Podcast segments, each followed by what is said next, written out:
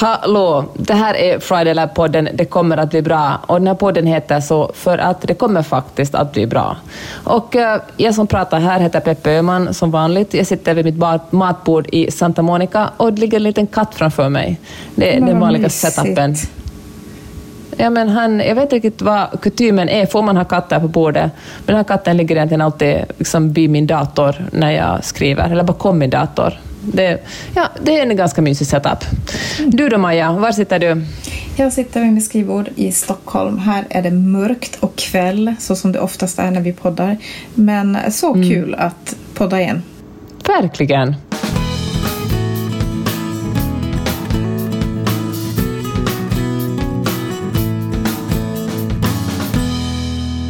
Hör du Peppe, den 24 oktober, det närmar ju sig faktiskt. Och då kör vi igång höstens enda 90 dagar med Friday Lab-kurs. Eller program är det.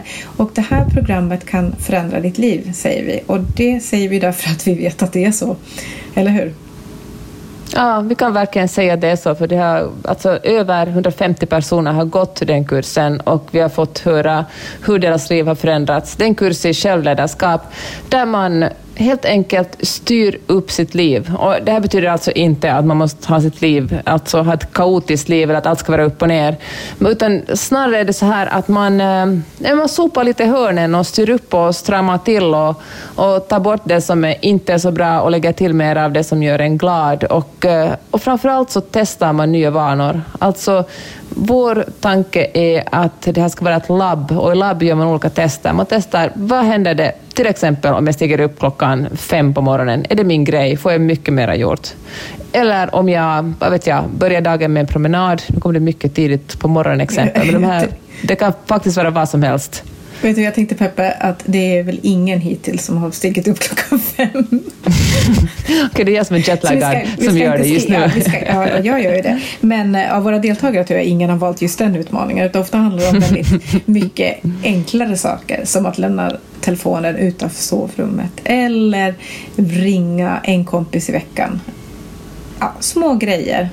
Eh, och själva, när vi började med Friday Lab, när du och jag skapade det här så var ju vår tanke att skapa det här rummet där man får gå in och reflektera och tänka lite på sig själv. Eh, mm. Och i, verkligen i de små grejerna. Och sen ger vi förstås verktyg och övningar som, som hjälper oss att titta också större och långsiktigare. Men vi vet ju att all förändring börjar ju i det lilla så därför kör vi liksom två parallella banor under hela programmets gång. Mm. Och det, har vi, och vet det vet vi ju att det är mycket resultat. Det gör det faktiskt. Jag tänker mycket på konsumtionssamhälle och vad som är rimligt att man köper och inte köper och om man, kan, om man till exempel kan gilla mode och kläder och ändå leva hållbart, om det är på något sätt lösningen. Och jag har inget klart svar på det. Men det som jag har ett klart svar på, att ibland när man shoppar grejer så gör man det för att man vill känna sig lite bättre. Man blir glad och man är glad i någon en liten stund och sen finns det till och med forskning som visar att efter ett köp så, så går känslorna tillbaka ner till där de var. Eller så blir man till och med lite deppig och sen mm. går de, är de tillbaka till där de var. Men att äh, investera i en kurs som hjälper en att äh, hitta verktyg att vara lite gladare i vardagen, det är en, en investering som håller. Mm. Det här är också en investering som många arbetsgivare gärna tar därför att vi vet att eh, får, får man hjälp med självledarskapsverktyg så, så blir man ofta gladare på jobbet också. Man blir bättre pr pr på att prioritera. Man, blir kanske, man får en annan syn på sin, eh, på sin självbild vilket gör att man kanske vågar ta ut svängarna lite mer, vågar ta på sig uppdrag som man kanske tidigare tänkte att men det där är inte för mig. Eh, så det har många positiva effekter inte bara på det privata utan också det professionella. Men kan vi tala lite om det, Maja? Vad är självledarskap och uh, hur leder man sig själv? Det är du som är coachen och har vet svaret på det här. Ja, men precis. Jag, jag tänker att ofta uh, självledarskap är kanske lite av ett modeord, men det finns alltid personer som har varit bra på det. Och jag tror att, att om vi tänker efter så har vi alla haft sådana personer omkring oss. Eh, det kan vara sådana som kanske ja, men vågar ta tag i och göra någonting som andra bara pratar om. Mm. Till exempel att gå ner i arbetstid för att göra någonting kreativt eller kanske ja, jobba ja, mera volontärarbete eller helt enkelt orka lite bättre. Jag tänker att det kan vara en person mm. som har liksom förstått självledarskap och, och förstår vad man själv kan påverka. Det kan vara sådana personer som, som verkar ha saker under bra kontroll fast de också verkar ha väldigt mycket som snurrar omkring dem. Eh, nu pratar jag inte om den här Instagram-ytan, att, att man, man har jättestädat hem och snygga kläder och har ett superbra jobb samtidigt. Det är inte den jag menar, utan jag tänker på personer som man har i, sitt, i sin familj eller bland sina vänner som, som verkar liksom ha mycket saker men ändå känner sig ganska lugna. De har ofta fått med sig något sorts självledarskapsverktyg, eh, kanske hemifrån eller har snappat upp genom livet.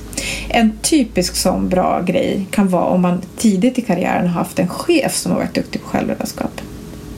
Då tror jag man har jättegoda möjligheter att ha lärt sig sådana metoder.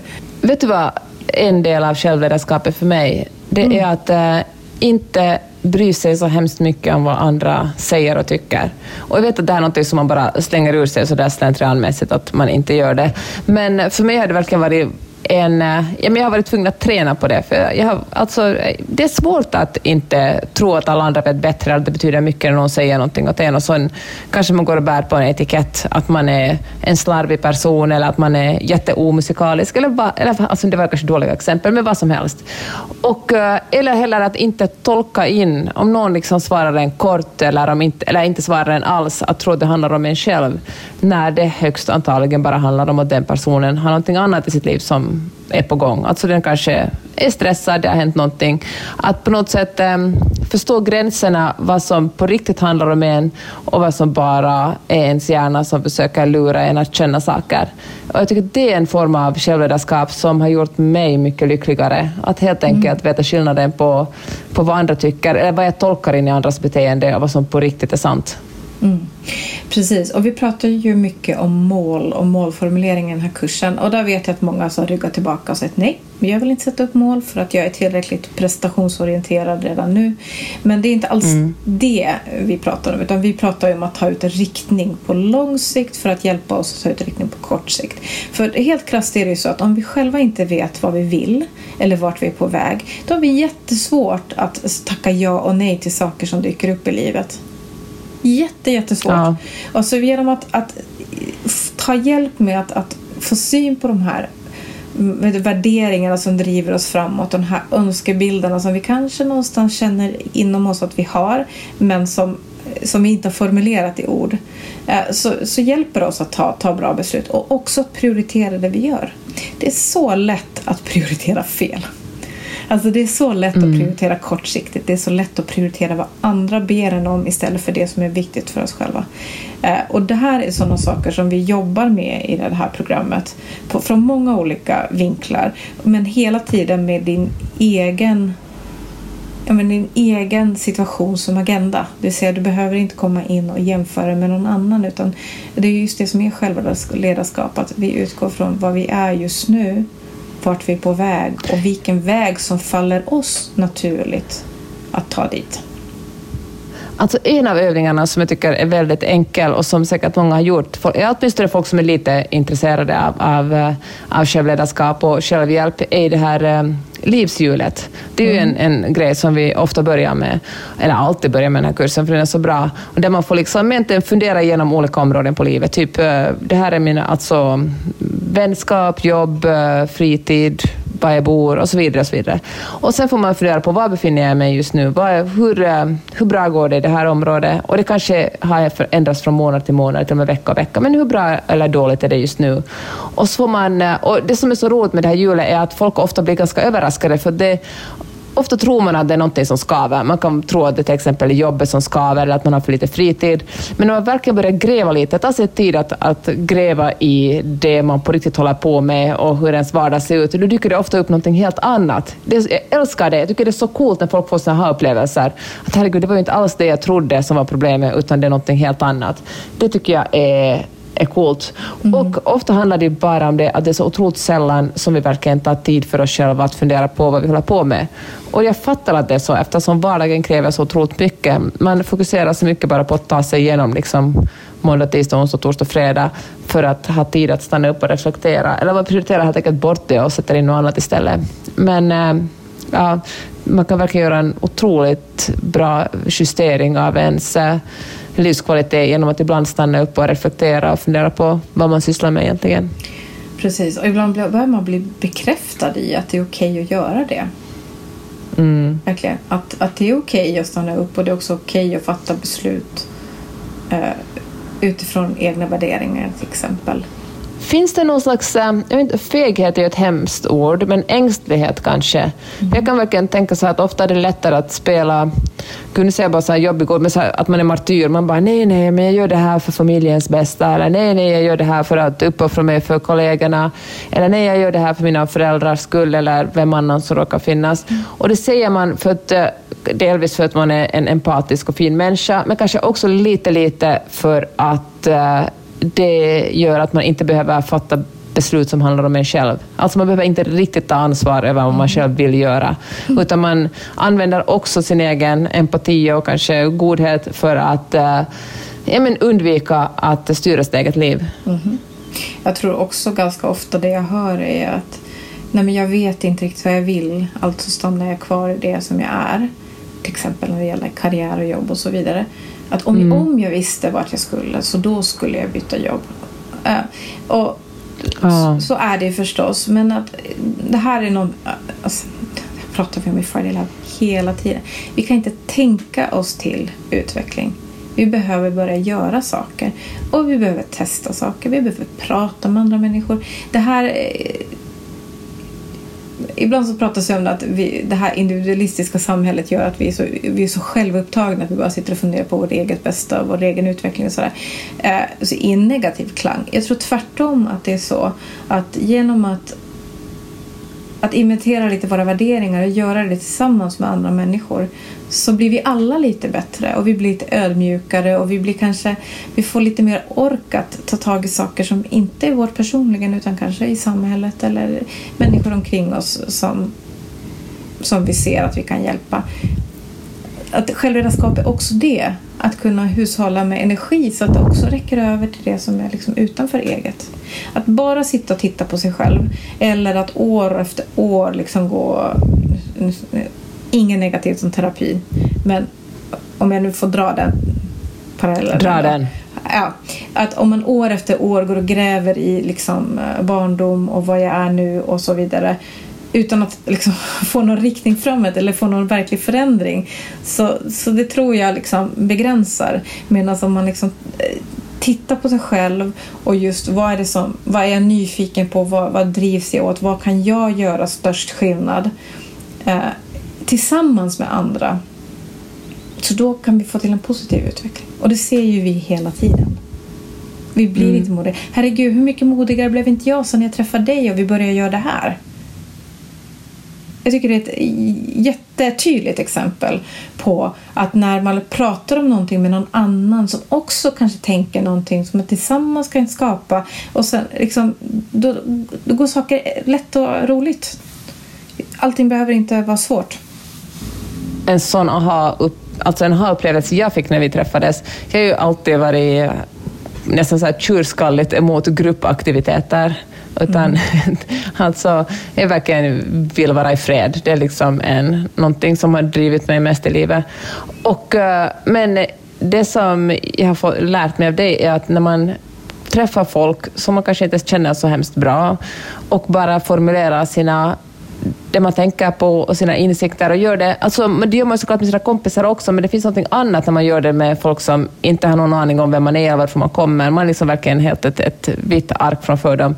Det händer grejer då. Det är så spännande. Och då, också i en sån situation så tror jag att man ställer in sig på att vara lite mer öppen om, någon, om ens mamma skulle säga samma sak till en som kanske någon annan deltagare på 90-dagarskursen skulle säga, jag tror att man bara skulle vända taggarna ut och säga att nej, det tror jag faktiskt inte. Men det, det händer någonting i en sån miljö där man har bestämt sig för att eh, experimentera lite, testa mm. nya saker. Liksom, man går in i en labbmiljö. Men Peppa, ska vi också prata om vad du tyckte om coaching och självhjälpsböcker innan vi träffades? Eh, ja, men alltså, ja, men jag tänkte att coaching är kanske lite som horoskop, tänkte jag. Mhm, jag att. att man är bara att jaha, du är lejon, liksom, det betyder att du är sån här. Nej, okej, det var nu kanske lite fräckt sagt, det tyckte jag. Men alltså jag var, ja, jag var en, jag är en skeptisk person, men, men jag kan ju faktiskt också ändra åsikt. Jag har ju fattat hur otroligt bra det är med coaching. Och jag kan faktiskt säga, Maja, att efter att vi har Alltså vi, du och jag pratar ju nästan varje dag i telefon och, och jag tror du smygcoachar mig ganska ofta. Men eh, jag har märkt att jag talar på samma sätt till mina barn och till min man som, eh, som jag har lärt mig från din coaching. Och det är otroligt att se hur mycket bättre... Alltså till exempel om man ställer en fråga till någon, till exempel så här att min son, vad tycker du själv, hur tycker du att du skulle bli bättre i skolan? Istället för att säga så här, du måste bli bättre i skolan. Du måste läsa mer, du måste göra det här. Och att låta liksom honom komma med svaret. Jag tänker bara en sån sak som låter som världens enklaste grej, men som verkligen har fått en plats i mitt liv som jag inte använt mig av förut. Så att jag är verkligen, ja, jag har ändrat mig. Jag- Coaching är inte samma sak som horoskop.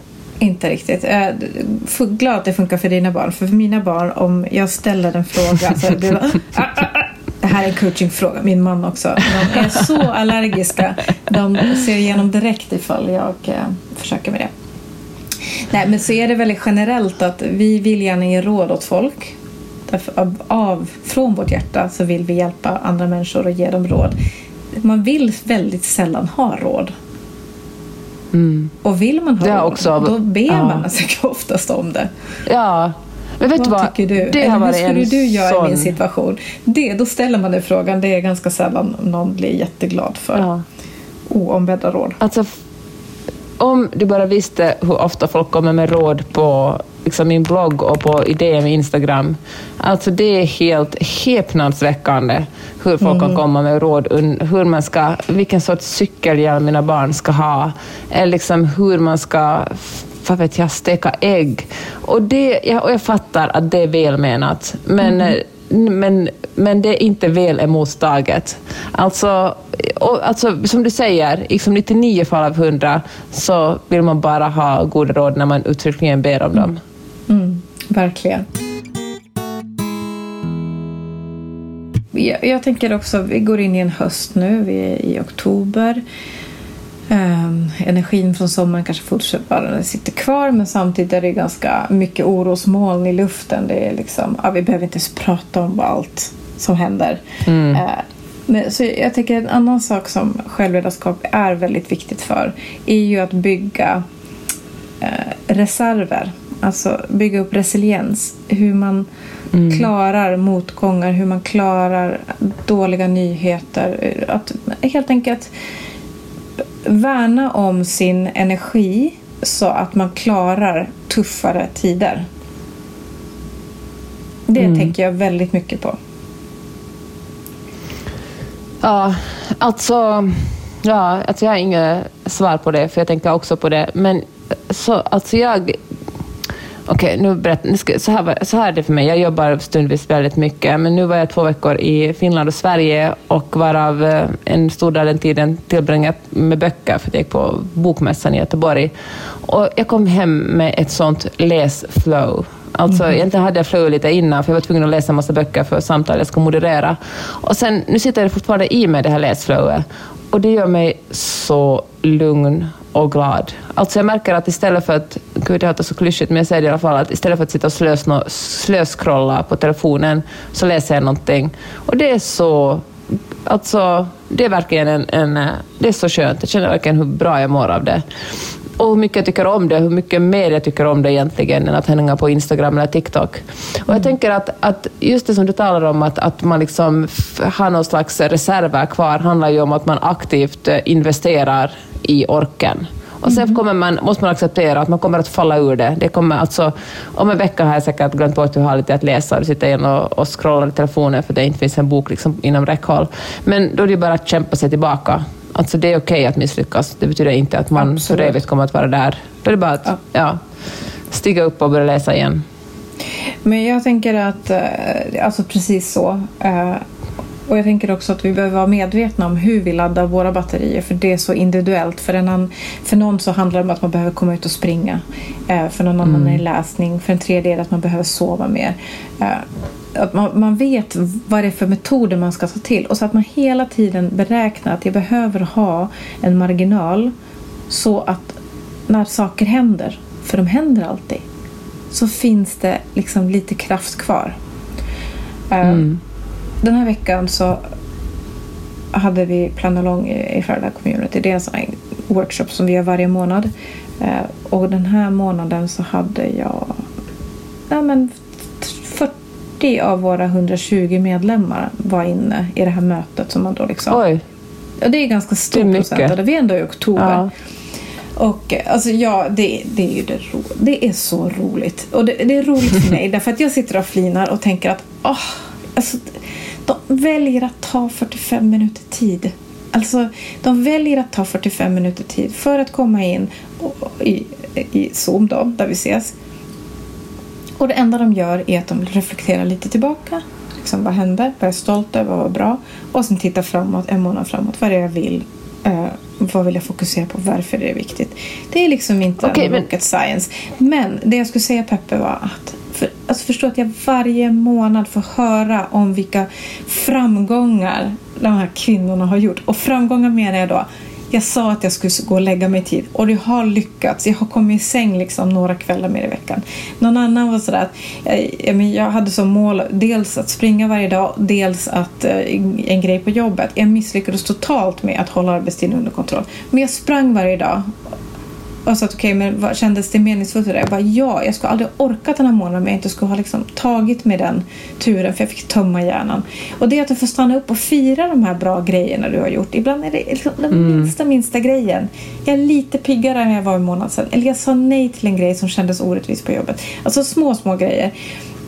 Så jag blir så stärkt av det. Och jag, det är att man får se konkreta exempel på självledarskap, för det är det det handlar om jag sätter ett mål eller en intention. Jag prioriterar enligt den och jag vågar ta ansvar för mitt eget mående så gott jag kan. Eh, att få höra de exemplen av 40 kvinnor på en dag. Alltså, ah, jag har ju världens bästa jobb. Men jag tänker så här, om man eh, om man då sitter och lyssnar på den här podden och känner att uh, jag vill verkligen uppleva det här. Och nu har vi ju precis avslutat intagning till, till Friday Lab Community, så man får vänta några månader om man vill komma med.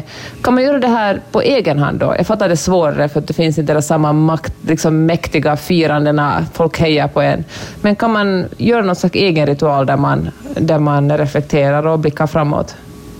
Absolut, jag tycker att, att vad man kan göra är att okej, okay, kanske gör en liten självinventering. Att hur känns det just nu? Hur, hur känner jag inför hösten? Hur pigg är jag? Hur trött jag är? Vad är det liksom för energinivå? Och om man vill ha en metafor för det så kan man ju tänka att man är liksom en, ett batteri som är 100% laddat. Då har man liksom ja, men bra reserver, man har energi, man mår bra och sådär.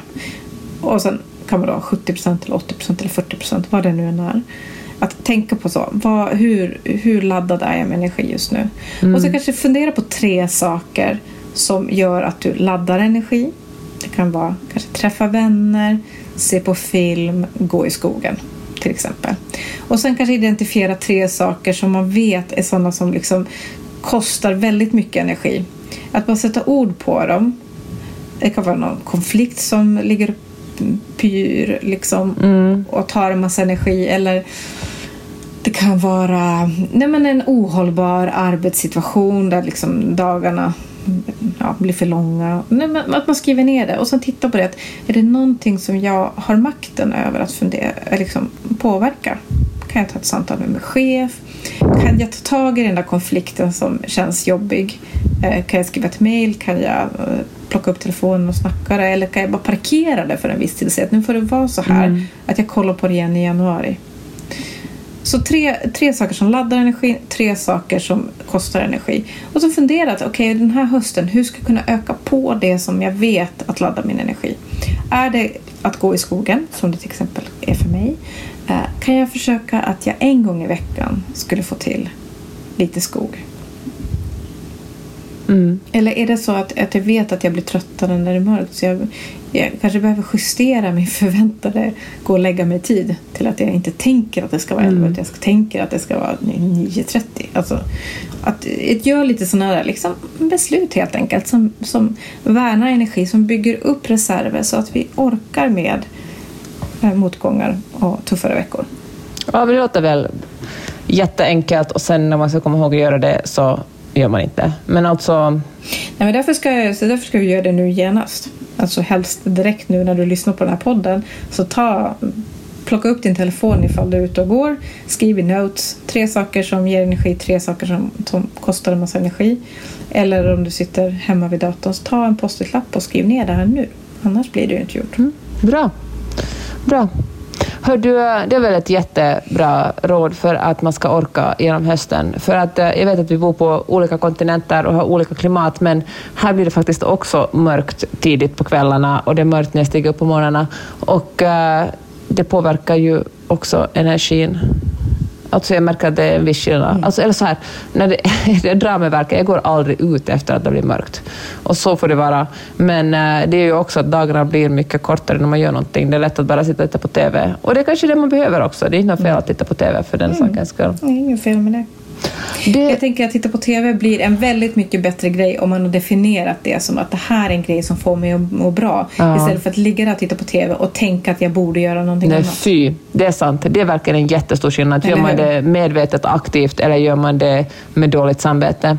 Det där med dåligt samvete tycker jag också är, är superspännande. Jag har nämligen försökt jobba mig bort från det, för jag, jag känner att så fort jag gör någonting som jag tycker om, alltså surfar eller rider, som ändå tar ganska många timmar på förmiddagen, så känner jag att det kommer ett, ett, så här, ett sting av dåligt samvete, som om man, att jag borde göra någonting bättre istället. Och det är något som, jag fattar ju att jag mår så enormt mycket bättre, jag jobbar bättre, blir gladare, en trevligare mamma om jag får göra de här sakerna. Men ändå så känner jag att jag liksom eh, jag måste, måste göra, förtjäna att få ha det härligt. Och det är ju helt... Alltså, det är ju helt sjukt att jag känner så, men nu sa jag det högt i alla fall. Men jag tycker att jag jobbar bort ganska mycket från det. Alltså den, den där dåliga samvetet är faktiskt mindre än för kanske ett år sedan eller två. Mycket bra Öhman. Tack Nordbrand. Vad ska man göra nu då? Jag tänker att vi ska, alltså, förutom då att anmäla sig till 90-dagarskursen som börjar den 24 oktober, Mhm.